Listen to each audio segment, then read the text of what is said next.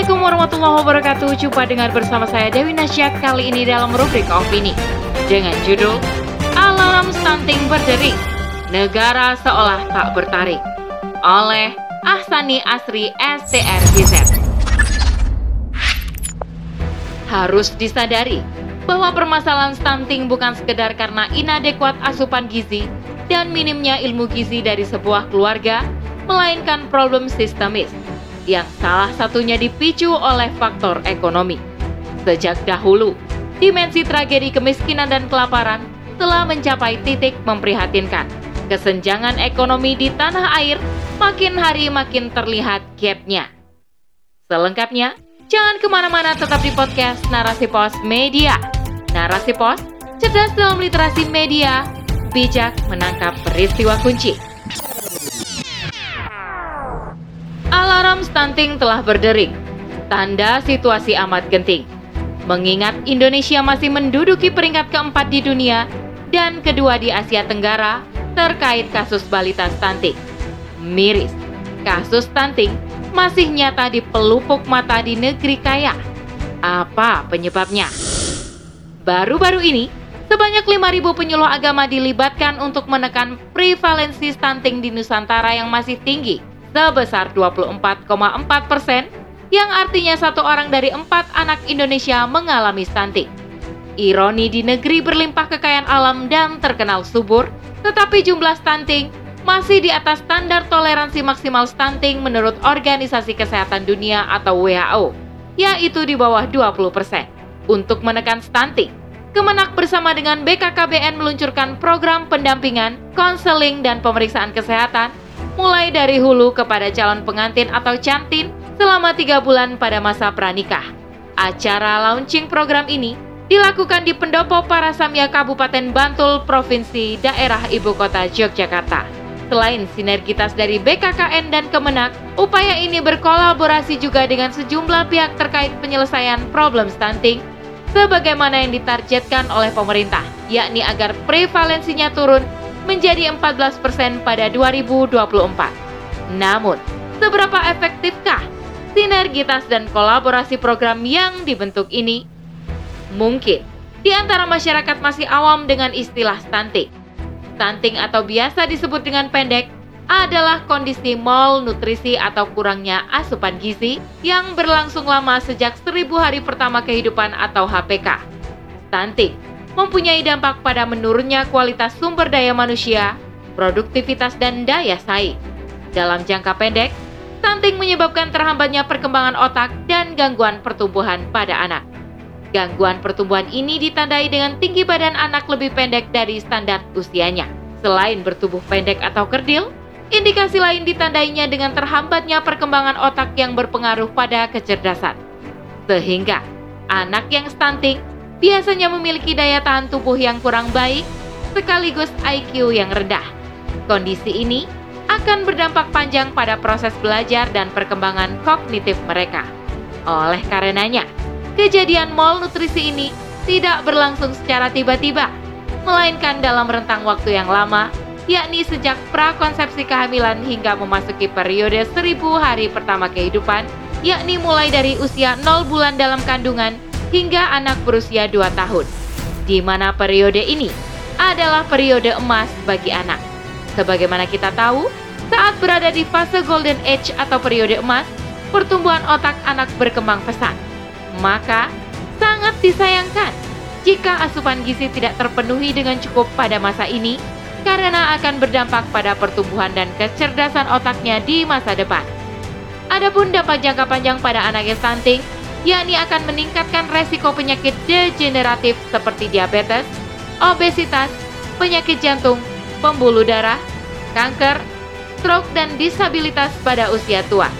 Sehingga ancaman kesehatan pada anak yang stunting sangat besar dan mempengaruhi kualitas generasi pada masa depan. Stunting adalah satu dari sekian banyaknya permasalahan kesehatan yang serius bagi masa depan generasi bangsa. Seyogianya, ancaman serius ini mendapat solusi yang tepat dan tuntas dari negara.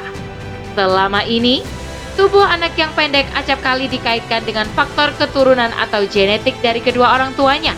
sehingga masyarakat tidak aware dan tidak berbuat apa-apa untuk mencegahnya.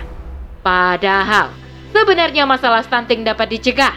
Dilansir dari laman kemenkes.go.id, genetika merupakan faktor determinan atau turunan paling kecil pengaruhnya dibandingkan dengan faktor eksternal seperti faktor perilaku, lingkungan, ekonomi sosial budaya dan politik, serta pelayanan kesehatan.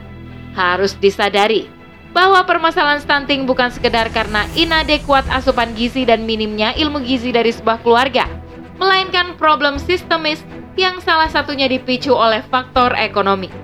Sejak dahulu, dimensi tragedi kemiskinan dan kelaparan telah mencapai titik memprihatinkan. Kesenjangan ekonomi di tanah air makin hari makin terlihat gapnya, bukan hanya di tanah air. Problem ini pun terjadi di seluruh dunia, setiap detiknya seorang anak meninggal dunia karena gizi buruk. Sementara itu, Organisasi Pangan dan Pertanian PBB atau FAO menyatakan kekhawatirannya atas kenaikan harga pangan dan diperkirakan akan memperluas kemiskinan di dunia. Faktor ekonomi sangat erat kaitannya dengan jeratan kemiskinan, maka hal tersebut merupakan salah satu kunci untuk menurunkan angka stunting. Kemiskinan sangat berkolerasi dengan penyebab ibu dan anak tak memperoleh asupan gizi yang adekuat dan seimbang. Memang, tidak semua orang miskin anaknya mengalami stunting, tetapi sebagian besar stunting diakibatkan kemiskinan. Maka, seharusnya penyelesaian stunting ini dilakukan secara sistemis agar tercabut hingga ke akar masalahnya. Pertanyaannya, apakah hanya dengan program pendampingan konseling dan pemeriksaan kesehatan permasalahannya akan selesai. Sementara kemiskinan masih menghantui rakyat di negeri ini, tampaknya tidak. Sebab kemiskinan yang terjadi di negeri ini adalah kemiskinan struktural atau sistemis yang berpangkal pada sistem yang diterapkan oleh negara dan penguasa, yaitu sistem kapitalisme. Ungkapan yang kaya makin kaya, yang miskin tambah miskin, seolah benar adanya. Apalagi di tengah situasi pandemi yang melanda, rupanya membawa mujur bagi para konglomerat. Kesenjangan ekonomi sangat kentara di tengah masyarakat. Kemiskinan yang menjerat rakyat seakan tak pernah sirna, malah makin merajalela. Di sisi lain, marah oknum yang kaya mendadak. Inilah wajah sistem kapitalis, melahirkan segelintir orang-orang egois, serakah, dan minim empati. Jurang kekayaan antara si miskin dan si kaya kian melebar. BPS mencatat, jumlah penduduk miskin melambung tinggi selama pandemi, sementara pada saat yang bersamaan, harta kekayaan atau crazy rich meningkat lebih dari dua kali lipat menjadi 1,5 triliunan dolar atau setara dengan 21,4 kuat triliun. Ketimbangan sosial dan kesenjangan global menjadi hak yang mutlak terjadi dalam sistem kapitalisme. Kesenjangan inilah yang membuat sistem ini menampakkan banyak kelemahan dan berdampak buruk bagi kehidupan. Kemiskinan sistemis menjadi segelintir pihak menjadi Tuhan, sementara rakyat jelata menjadi pengemis kepada mereka adalah hal yang tak terelakkan. Masihkah kita ingin berada dalam sistem yang jelas-jelas telah membawa dampak buruk bagi masa depan kita? Permasalahan sistemis yang dihadapi negeri ini sesungguhnya berakar pada sistem perekonomian global yang dianut oleh mayoritas negara dunia, khususnya negara barat. Sistem yang bertumpu pada asas kapitalisme, bernapas sekularisme liberal, mengabaikan rasa keadilan bagi masyarakat, sehingga menimbulkan kemiskinan yang merajalela. Sistem ini hanya memperkaya pemodal semata tanpa memedulikan kemaslahatan rakyat. Sistem ini pun telah tampak membuat negara seolah tak bertaring menghadapi persoalan ini Sejumlah pakar ekonomi dunia pun mengakui kebenarannya bahwa ekonomi kapitalis ternyata tidak memiliki arah yang jelas. Berbeda dengan Islam yang tegak atas prinsip-prinsip syariat Islam dalam membangun institusi negara. Sistem Islam harus sejalan di setiap lini kehidupan, mulai dari sistem politik, sosial ekonomi, kesehatan, pendidikan, budaya, hingga pertahanan dan keamanan.